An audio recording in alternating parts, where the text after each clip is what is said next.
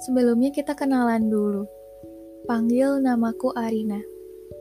Salam kenal ya. Aku buat podcast ini sebenarnya sih buat saling berbagi cerita atau bahas soal rasa yang mungkin banyak dari kalian pernah ngerasain. Pasti pernah di waktu tertentu diri kalian dipaksa buat mikirin banyak hal, termasuk perasaan yang kadang rumit buat dipahamin. Dan banyak pertanyaan yang terkadang juga belum dapat jawabannya. Kalian ngerasa nggak sih? Karena nggak bisa diungkapin, kadang jadi disimpan sendiri.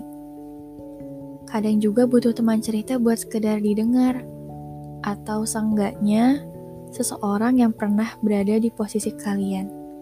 Itu menurutku perasaan paling tenang, sekaligus menyenangkan. Ketika banyak hal yang mengganggu pikiran, gak harus melulu kamu selesaikan saat itu juga kok. Kadang kamu butuh waktu. Waktu? Buat apa? Buat percaya apa pun yang terjadi memang seharusnya terjadi. Dan kamu butuh waktu untuk menerima apa yang kamu rasain sekarang. Oh iya, kenapa judulnya pergi dan pulang?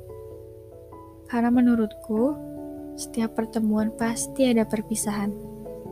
Tapi, setelah perpisahan, pasti bisa bertemu kembali. Jadi jangan ngerasa sendiri dan selamat mendengarkan.